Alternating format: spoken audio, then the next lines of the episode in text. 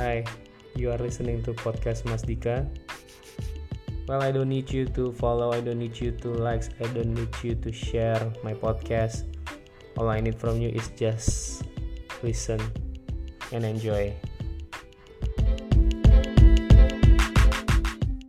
gue pun juga kalau gue bercerita tentang kantor lama gue bagaimana gue struggle di kantor dengan gaji yang minim tapi kerjaannya bahkan kadang-kadang ya nggak masuk di akal ya kayak gue mengotin sampah sampai gue apa namanya gue ngerjain event padahal gue bukan orang event gue orang legal gue orang legal suruh ngerjain event.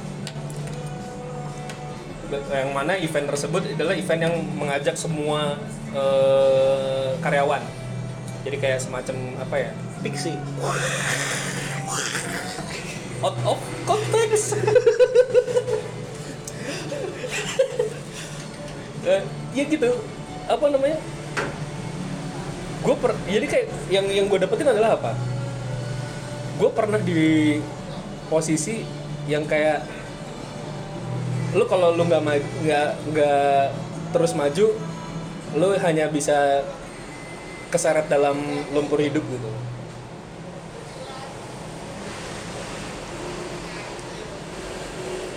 Gue bingung menjelaskannya. Tapi intinya kayak kalau kalau pakai lagunya India yang dia bilang ini belum separuhnya biasa saja. Itu jadi kayak ketanam di otak. Kayak gue misalkan ngerasa anjing duit tinggal sejuta. Tapi kayak gue bilang nggak seberapa. Dulu gue duit cuma 200 aja gue bisa. Bersyukur. Cak Nun yang tadi gua yang gua tadi mau gua sangkutin dia cuma ngomong apa ini kan tergantung sama mindset mindset kalian. Kalau kalian akan kalau kalian ngerasa nggak cukup selamanya nggak akan cukup.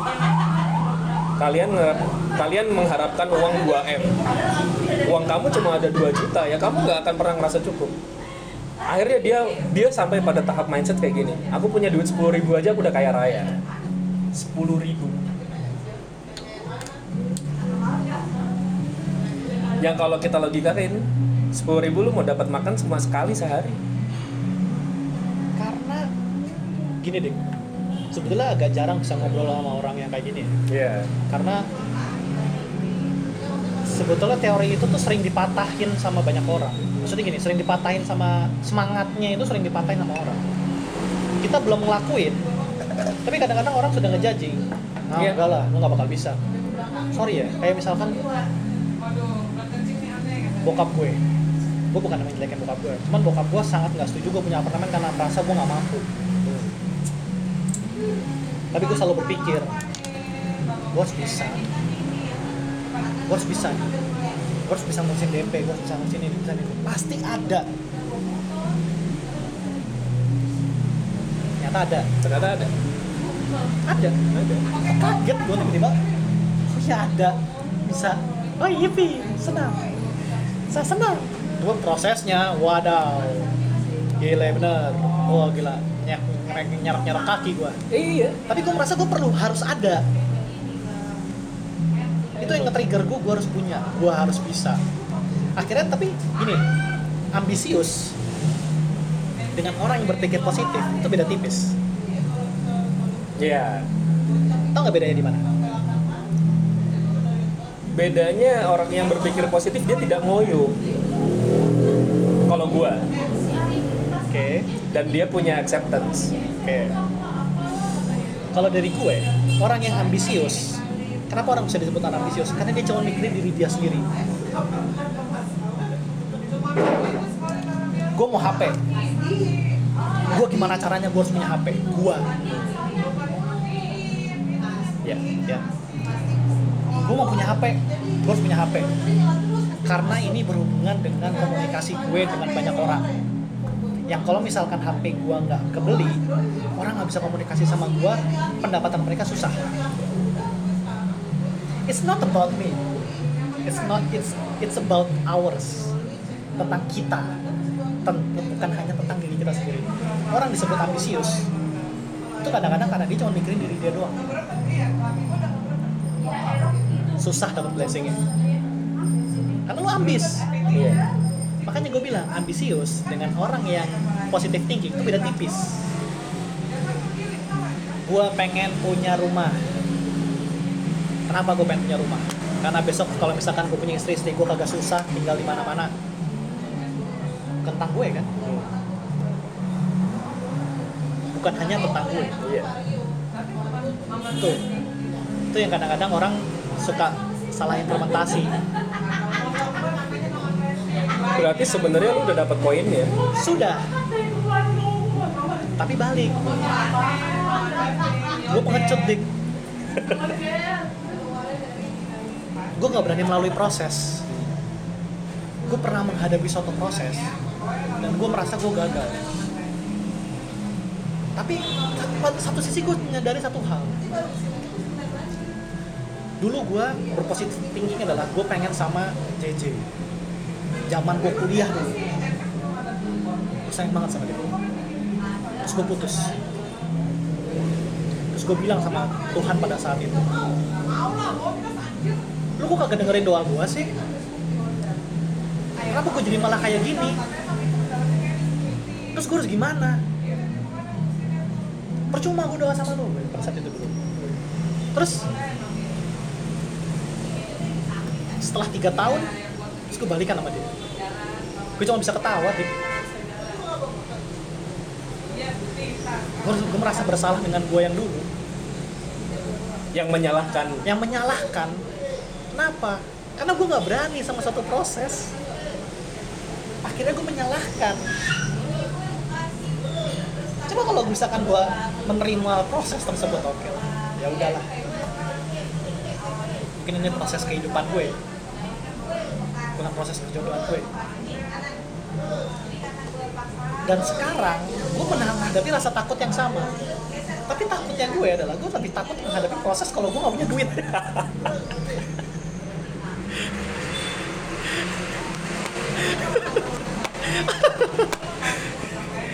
Prioritas gue berubah nih. Iya iya iya. Kalau dulu mungkin gue masih muda gue berpikirnya ah cita-citaan lah dan sekarang prosesnya adalah gue lebih takut kalau gue gak punya duit. Padahal semua bukan tentang duit. Itu yang gue takut gitu anjir makanya gue bilang kalau diri gue pengecut gue menyadari hal gue kalau gue pengecut. Gue memahami Maslow hierarki gue memahami teori sempak tuh ya. Gue memahami bahwa basic needs itu adalah sesuatu yang terakhir sebetulnya. Lu bisa mendapatkan basic needs itu kalau lu bisa berdamai dengan diri lu sendiri cuman gue terlalu takut buat ngadepin proses itu. Cuman gue terima kasih banget sama lu. Gue mungkin sedikit lebih lega untuk bisa menerima proses tersebut. Di dompet gue cuma ada 14 ribu. Mungkin kalau misalkan gue percaya tiga hari gue bisa bertahan bisa bertahan makan indomie terus. Kan gak tahu masak di rumah masak di rumah. Tahu-tahu ada yang bawain makanan knows? Tahu-tahu apa proyek yang lama duitnya cair. Tapi iya sih deh maksud gue gini beberapa bulan ini gue merasakan hal itu. Gue percaya bahwa gue melakukan sesuatu oke lah. Gue lakuin. Terlepas itu baik dan buruk untung dan rugi gue lakuin. And yes something's good. Ada aja yang muncul masuk gue wah ternyata memang ada. Bagus sekali. Cuman itu prosesnya yang agak-agak gue nggak berani. Cuman mungkin habis ngeliat lu ternyata ada yang lebih susah sebetulnya daripada gue. Cuman guanya aja yang nggak mau ngeliat. Gue selalu memposisikan diri gue. Gue terlalu soal orang tuh nggak akan pernah tahu gue tuh punya duit berapa di tabungan gue. Orang mungkin ngeliat gue wah gila Dika ke mana-mana selalu bawa mobil. Wah Dika rumahnya lumayan gede. Di rumahnya ada mobil, mobil ada dua ada motor. Tapi orang nggak pernah tahu yang ada di dompet gue berapa. sih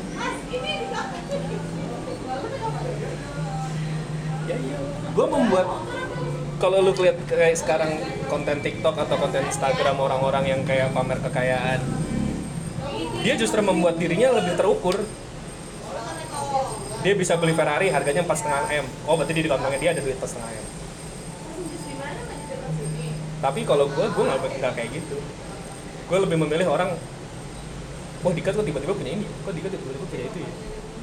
Soalnya mereka masih di tahapan atasnya basic needs deh. Hmm. mereka butuh pengakuan. Oh, itu bilang The Legend of the Blue Sea. mereka belum berdamai sama diri mereka sendiri. Iya. makanya artis-artis yang bisa beli ini bisa beli itu pamerin sama dia. Mungkin someday lo bakal menghadapi masa itu gua nggak tahu. mungkin ya mungkin. Ketika lo udah nggak butuh basic basic needs lo terus lo bisa beli apa pun yang lo mau mungkin someday lo bakal bullshit lah kalau misalkan gue bilang kita tidak mau memamerkan sesuatu kita tidak mau apa kita tidak melewati tahap kita mau memamerkan sesuatu menurut gue kayaknya nggak mungkin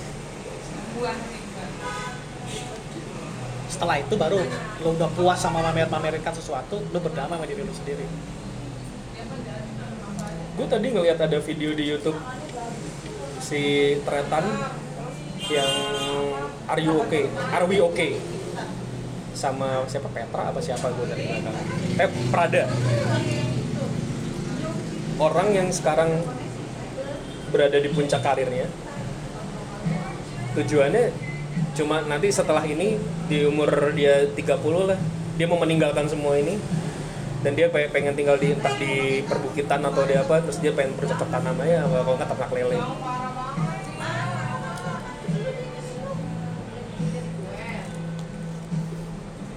di balik teori sempak tadi di balik teori sempak tadi orang akhirnya akan berujung pada kayak yang penting gue bisa makan aja udah cukup sih. Setelah semua yang diupayakan dalam hidup yang semua dingoyokan dalam hidup gue harus kerja pergi pagi pulang malam pergi pagi pulang pagi lagi dengan uang yang berlimpah akhirnya lu hanya kepingin satu tenang doang tuh itu udah stagingnya udah jauh banget sih.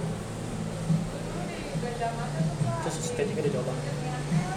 Cuman mungkin itu yang dirasain sama orang tua gue sekarang kali ya. Orang tua gue sekarang cuma masih masih ngejar.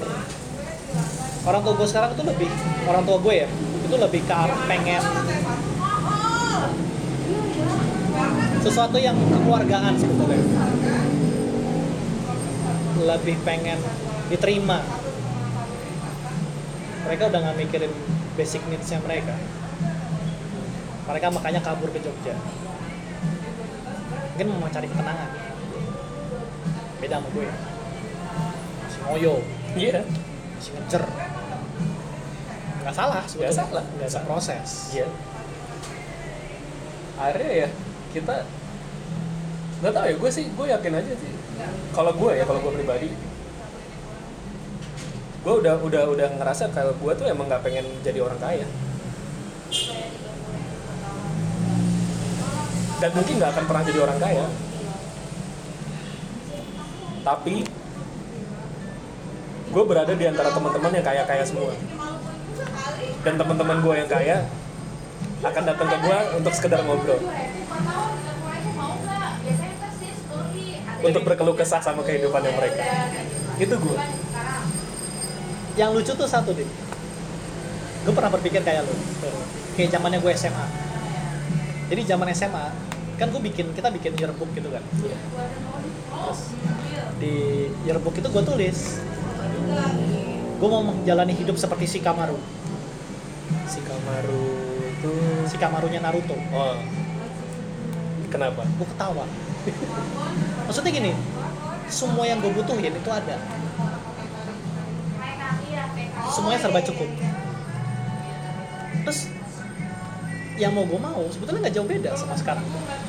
Gue mau ya setidaknya ya gue nggak perlu mikir duit lah mau ngapain. Yang penting gue cukup. Gue keluar negeri cukup jalan-jalan cukup beli mobil cukup pokoknya semuanya serba cukup lah. Sebetulnya teorinya sama cuman skalanya aja yang beda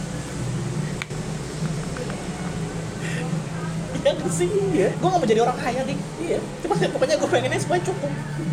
ya, walaupun mungkin orang nyebut itu orang kaya ya. iya Gue kagak mau kaya, gue maunya tuh cukup.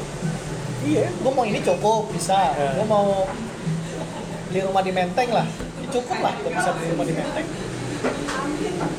ya pokoknya in the end lu ternyata gue nggak perlu sengoyo itu loh sama hidup gue di tahap itu sekarang gue dapat duit syukur nggak dapat duit ya udah. Ntar juga dapat duit. Kayak gitu nggak tahu. Dan nyatanya ya ada aja.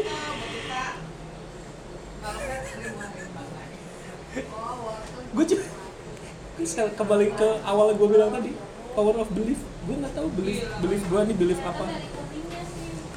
Gue kadang-kadang juga kalau misalnya gue sholat gue masih sholat gue bilang oh gue sekarang lagi lagi sama bini gue gue lagi bilang gini. Pokoknya gue gue nggak gue gue nggak hafal doa doa yang kayak yang diajarin agama yang kayak harus baca surat ini baca surat itu gue enggak doa gue cuma kalau malam terima kasih Tuhan gue udah dikasih hidup sampai malam ini. Keluarga gue utuh semua sehat makan gue cukup. Semoga besok gue masih bisa kayak gini. Di pagi hari gue cuma berdoa sama bini gue semoga hari ini tidak lebih buruk daripada kemarin. Jadi gue kayak menjalani hidup ya udah kayak gitu aja dulu lempeng aja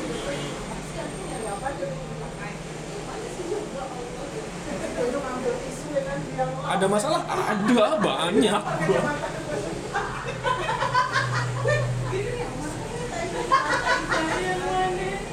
tapi nih ya challengingnya challengingnya kehidupan ini ya.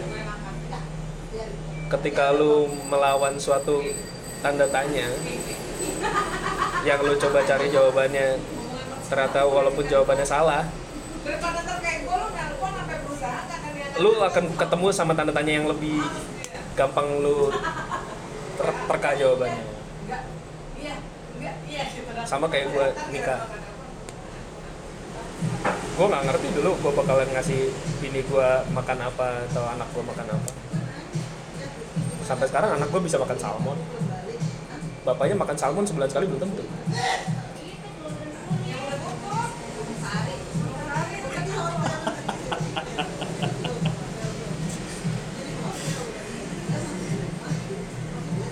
Teh yuk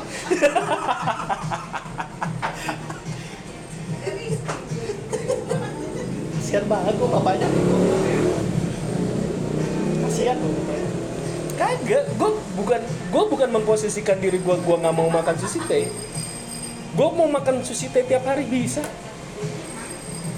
Serius? Padahal lu nggak tahu di dalam dompet gue ada berapa duitnya. Tapi gue bisa. Gue percaya gue bisa makan sushi teh tiap hari. Nggak tahu kenapa tak tahu bisa ya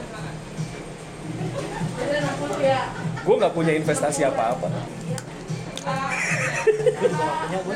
gue gak orang-orang udah pada mainan saham, udah pada mainan emas. Gue emas baru gue jual kemarin. lagi hype banget tuh saham Iya. Orang orang pada trading bilang ikut dik trading dik 2 juta dapat 7 juta. Gimana cara? Orang ada yang ngai sampah tiap hari dapat 5000 sehari aja udah syukur. Gue kadang-kadang berpikir jangan-jangan 7 juta itu 5 juta yang lu dapat itu harusnya duit mereka. dapur keluarganya Fis akhirnya gue akhirnya gue coba beranggapan kayak hidup apa sih yang mau dingoyoin gitu lu udah tahap lu sampai tahap situ ya? iya gue udah di tahap situ. Soalnya gue, gue masih di tahap pursuing something sih. Iya. Ya sebenarnya gue juga sama di tahap pursuing something. Tapi bedanya gue nggak mau ngoyo. Dibandingkan kita berharap suatu yang besar tapi kita gagal mendingan lu berharap sesuatu yang kecil tapi lu berhasil terus itu sih yang lagi gua tanemin tuh itu. Lu ibaratnya sekarang lu hobi lu seneng sama otomotif. Lu lu pengen sport car. Pokoknya itu impian lu seumur hidup lu harus punya sport car. Sport car tuh apa sih? Mobil kenceng harga mahal eh, fiturnya macam-macam gue memposisikan mobil gue adalah mobil sport car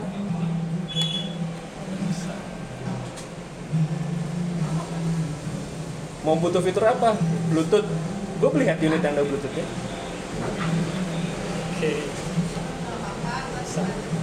lu mau kebut di jalan lu tinggal ganti knalpot lu ganti mesinnya pakai mesin apa? Ya.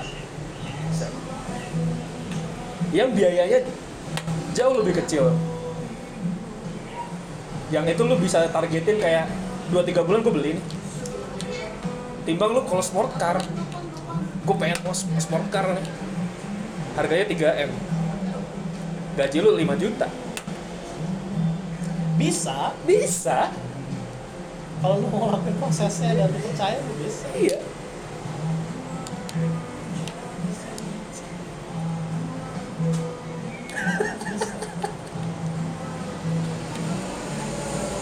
Embrace the process tuh yang susah. Harus gua akuin sih. tapi gue apa ya gue gue juga salut sebenarnya sama lu. Apa namanya? Kalau bisa dibilang kita berdua malah kayak kebalikan. Lo adalah orang yang bener-bener orang yang well prepared gitu loh. Dalam dalam segala hal. Lo nggak mau apa namanya? At least kalau event nanti lo gagal gagal gue nggak parah-parah banget. Iya. kalau gue gambler men tapi ternyata gambler gue berhasil itu doang. Dan gue nggak berat bukan gue nggak bilang ini berhasil banget ya. Tapi gue ngerasa gue gue sering bikin pilihan yang salah tapi ya nyatanya juga maksudnya walaupun itu salah nggak separah itu kayak gue beli BMW sebelumnya.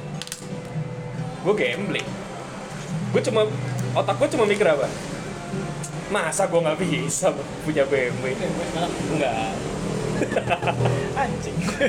gue masa nggak bisa punya BMW gue jual mobil gue lama gue beli BMW ternyata gue dapet barangnya barang jelek.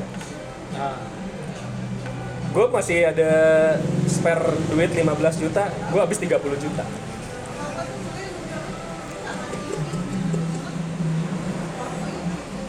habis 30 juta aja itu apa namanya?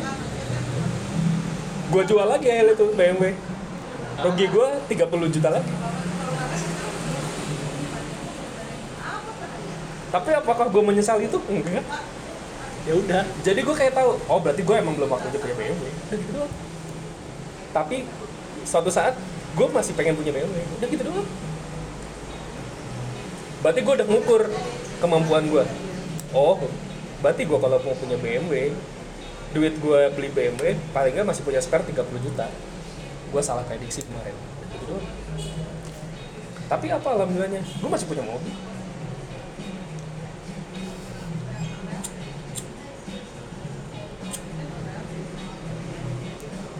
Embrace the process. Yes. Lu udah lu udah sampai tahap situ sih. asik men asli asik Karena dinikmatin. Kalau dibilang orang mungkin gue goblok ya. Goblok lu dik. Kenapa lu beli malah lu jual segitu? Kenapa nggak lu gini? Ya udahlah. ya udah. Tapi at least gue udah bisa ngukur kemampuan gue segitu. Sebelumnya gue nggak tahu kemampuan gue segitu.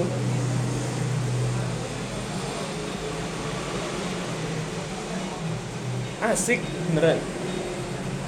Dan gue coba. Karena, karena teori sempaknya mau gue jalanin. ya udah. Teori sempak tuh mau gue jalanin. Cuman ya gitulah teori sempak kan lo tahu kan agak-agak gatel di selangkangan kan kalau Iya. misalkan salah dikit kan. Apalagi kalau kelamaan jadi berjamur. Belum lagi kalau lebih tipis ada bekas-bekasnya di iya kuning kuning obrolan kita jadi menjijikan. Teori sempak. Menarik sih. menarik jadi gue gue thanks banget sama lu sih sama gue juga thanks banget sama lu. gue gue punya semua teori itu cuman gue gak pernah ketemu ngobrol sama yang orang yang implementasi. Pernah ngobrol sama orang yang implementasi cuman orang tersebut gak menceritakan secara gamblang lah implementasinya dia seperti apa. Ada pepatahnya Ade Rai yang gue inget lu nonton podcastnya Deddy Kobuzer lu nonton yang dia sama Ade Rai selalu bagus nih? Dia Madera dia sama Ade Rai itu dia cuma ngomong gini. Sibuk menganalisa kegelapan padahal mengharapkan terang. Lu nggak akan pernah dapet terang kalau lu coba sibuk menga- menganalisa kegelapan. Lu cuma berbi lu cuma berpikir soal wah ini nanti bakal buruk ini bakal gini gini gini gini gini. Padahal yang lu inginin jauh lebih terang daripada itu. Ini dia berpikir negatif instead of positif cing itu yang gue lakukan. Atas kejadian gue yang kemarin kayaknya. Gue lagi kena masalah gue lagi ada masalah terus gue berpikirnya negatif terus. Tapi ya it's human sih kalau gue bilang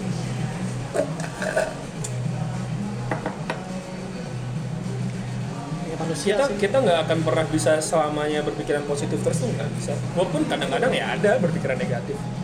Sama diri gua sama Tuhan sering gitu gitu. cuman akhirnya kayak kembali ke kalau gua ber apa ya gue bukan bilang bermeditasi ya gue bilang gue berkaca pada diri gue sendiri gitu membayangkan apa yang telah terjadi hingga saat ini gitu I'm blessed. Udah. Gitu doang. gue punya pertanyaan satu deh. Eh, mungkin ini agak private ya. Cuman gue mau menanyakan lu lah sebagai orang yang sudah jadi gue yang ditanyain. Iya, lu tanya soalnya. Ini agak agak agak melenceng jauh sih oke. Sebetulnya cuman gue mau nanya maksud gue gini.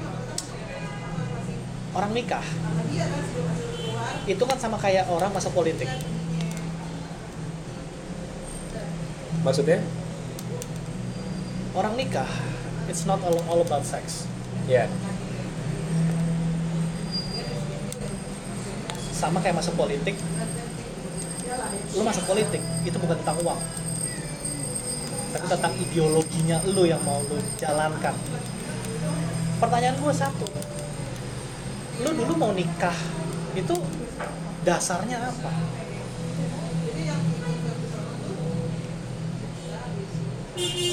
dasarnya apa? Karena menurut gue orang nikah. Biasanya kan kayak misalkan lah orang-orang orang gue udah nanya ke beberapa orang ya. Orang nikah tujuannya apa? Ya punya anak lah. Maksud gue oke itu salah satu ideologi lo mempunyai keturunan.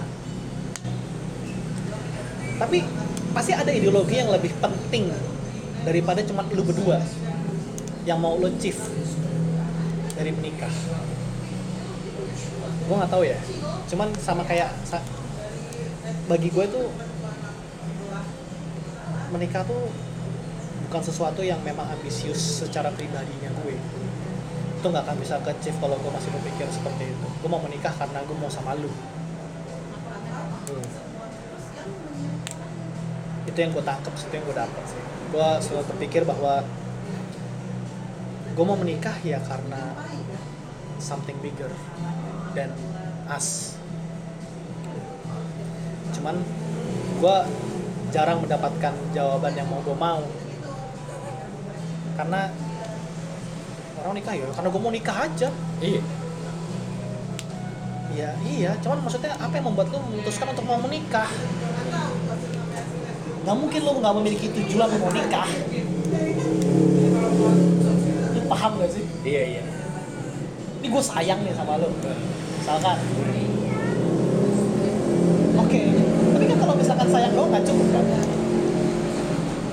Oke, gue mau jadi lu pacar. Karena kenapa? Karena dengan dengan begitu gue bisa menunjukkan rasa sayang gue lebih dengan itu gue bisa memiliki lu memiliki itu such eh, pola pikir pendek sih. Tapi seiring berjalannya waktu ternyata lu nggak hanya mencintai dia gitu. Lu juga mencintai sifat jeleknya dia. Lu akhirnya mau berjuang demi dia. Lu akhirnya mau mengembangkan kita. Akhirnya larinya ke sana kan? Tapi itu proses. Pertanyaan gue satu itu deh. Gue mau tanya ke lu. Orang lu berpikir dulu lu mau nikah. Itu apa yang memutuskan oke gue mau nikahin nih orang.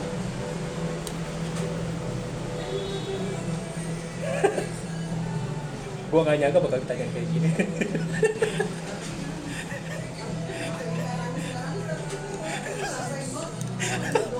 Dan belum ada yang pernah nanya lu itu kan? Belum. Gue gue selalu kepikiran. Dan sejujurnya gue gak pengen ngejawab. Karena bukan apa-apa gue takutnya dengan jawaban gue lu nggak puas sama kayak yang udah lu tanyakan ke orang-orang yang lain. Lagi-lagi gue cuma bilang gue punya beliefs udah gitu doang. Iya sih. Nah. Itu maksud gue gini deh gue selalu merasa bahwa orang yang menikah itu pasti memiliki ideologi lebih apa yang mau mereka lakukan. Itu ada. Oh, dalam arti gini. Pasti setiap pernikahan itu tujuannya pasti pengen punya anak pengen punya keturunan. Yang sah. Kalau di agama maupun dari apa namanya dari administrasi negara lah. Selebihnya gue punya anak. Gue nggak akan memaksakan anak gue untuk jadi apa gitu enggak. Tapi gue percaya anak gue akan lebih lebih jauh lebih baik dibandingkan gue ataupun istri gue lagi-lagi gue cuma believe. Gue nggak tahu itu apakah akan terjadi atau enggak tapi gue percaya. Itu doang. Karena gue menemukan sesuatu yang menarik deh Apa? belakangan inilah. Gue mau menikahi cewek gue yang sekarang. Itu nggak hanya karena gue sayang sama dia. Tapi gue tapi gue sudah terlanjur mencintai lingkungan dan keluarganya dia. Kenapa lu bilang terlanjur proses. Proses yang ngebuat gue merasa bahwa ternyata yang gue takutkan itu nggak hanya kehilangan cewek gue. Yang gue takutkan ternyata juga kehilangan lingkungannya dia keluarganya dia dan bagaimana afeksinya lingkungannya dia terhadap gue. Akhirnya gue berpikir bahwa oh iya. Oke gue mau menikahi orang. Karena ternyata setelah dipikir lebih jauh nggak cuma gue doang nih cuma tentang kita.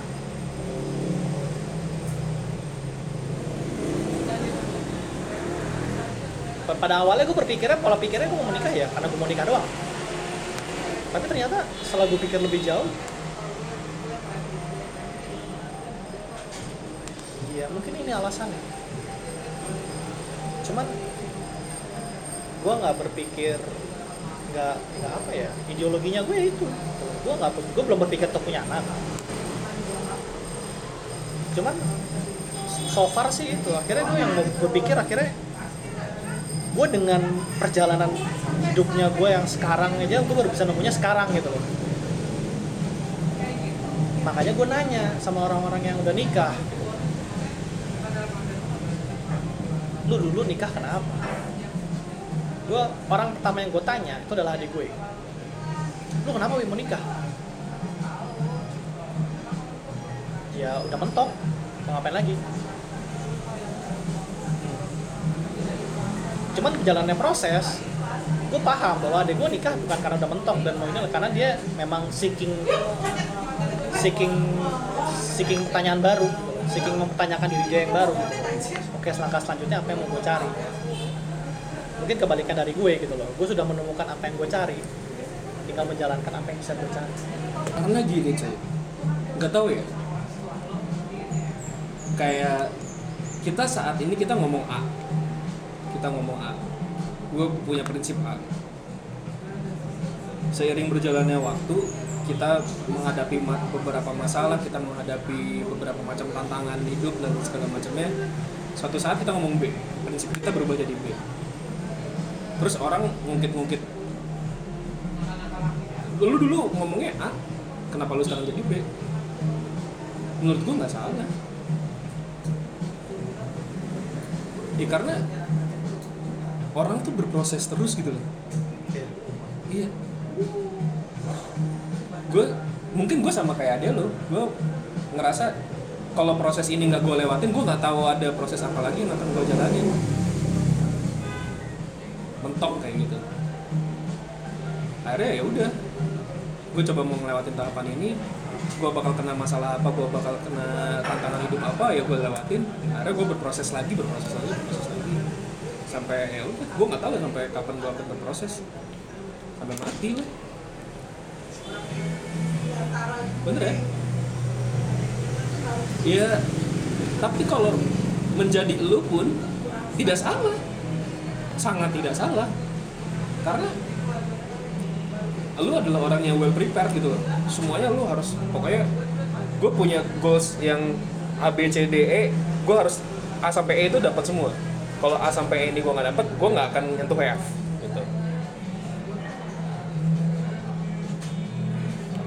Secara theoretically itu benar. tapi secara implementasi memang lo harus jemplung dulu sih.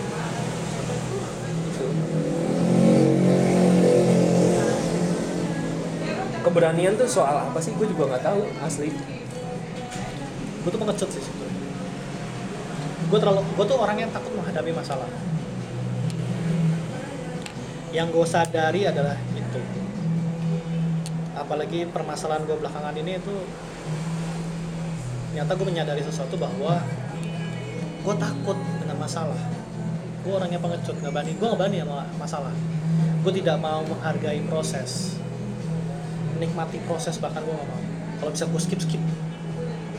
Fast forward kayak lu tau filmnya klik nggak? iya. Hah? tahu tahu. Nah, karena dia nggak mau melewati proses itu akhirnya dia skip skip skip. Akhirnya dia terbiasa dengan melakukan skip itu. Iya. akhirnya secara otomatis ketika ada masalah lu skip. Nanti aja deh. Padahal lu nggak tahu bahwa di belakangnya masalah itu lari nih udah kayak bola salju. Iya. ketika bruk numpuk semakin besar ngehantem lu tewas lu. Itu yang gue sadari. Gue pengecut. Makanya gue selalu bilang ke lu juga gitu bahwa gue paham teori cuman gue nggak berani ngadepin proses. Karena gue pengecut. Tapi setelah gue sadarin bahwa memang ngobrol sama lu tuh bener emang ngebuka gue banget sih anjing. Gue suka kayak "Ah, iya sih. Emang sih. Kalau nggak dilewatin memang percuma lu ngindarin juga. Lu udah lu tadi udah ngomong kan nggak sadar ya kita udah tua ya? Karena kita tuh selalu berpacu dengan waktu ya kalau lu udah ngebayangin bahwa endingnya lu mau menikah tapi lu masih ngumpulin A sampai E kita nggak pernah tahu kita hidup sampai kapan.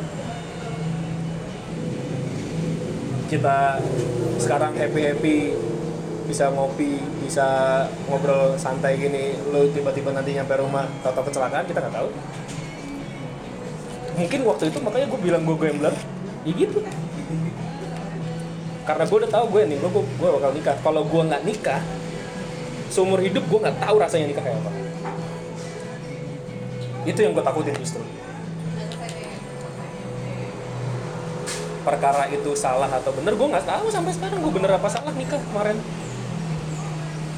Tapi yang yang gue jalanin gue happy gue sayang istri gue gue sayang anak gue anak gue sayang gue istri gue sayang gue itu udah cukup kalau buat gue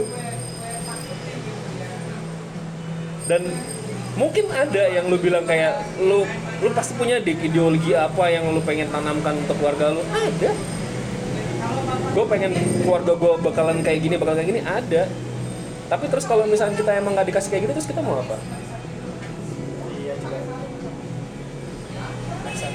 itu yang gue bilang apa? Kalau tadi gue bilang kita tuh fokus sama goals yang besar. Tapi kita nggak mau nyoba dengan goals yang kecil-kecil goals kecil ini bisa bisa lu akan fail atau sukses kita nggak tahu kalau kita nggak coba. Fail pun lu belajar lu berproses. Kenapa orang banyak yang udah nikah terus cerai? Apakah mereka menyesali pernikahannya? Gue rasa enggak.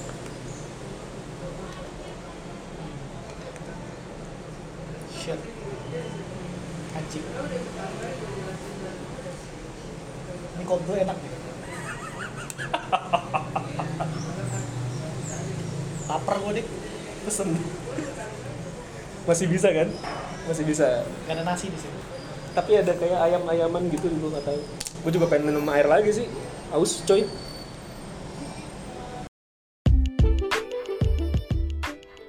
Hi, you are listening to podcast Mas Dika.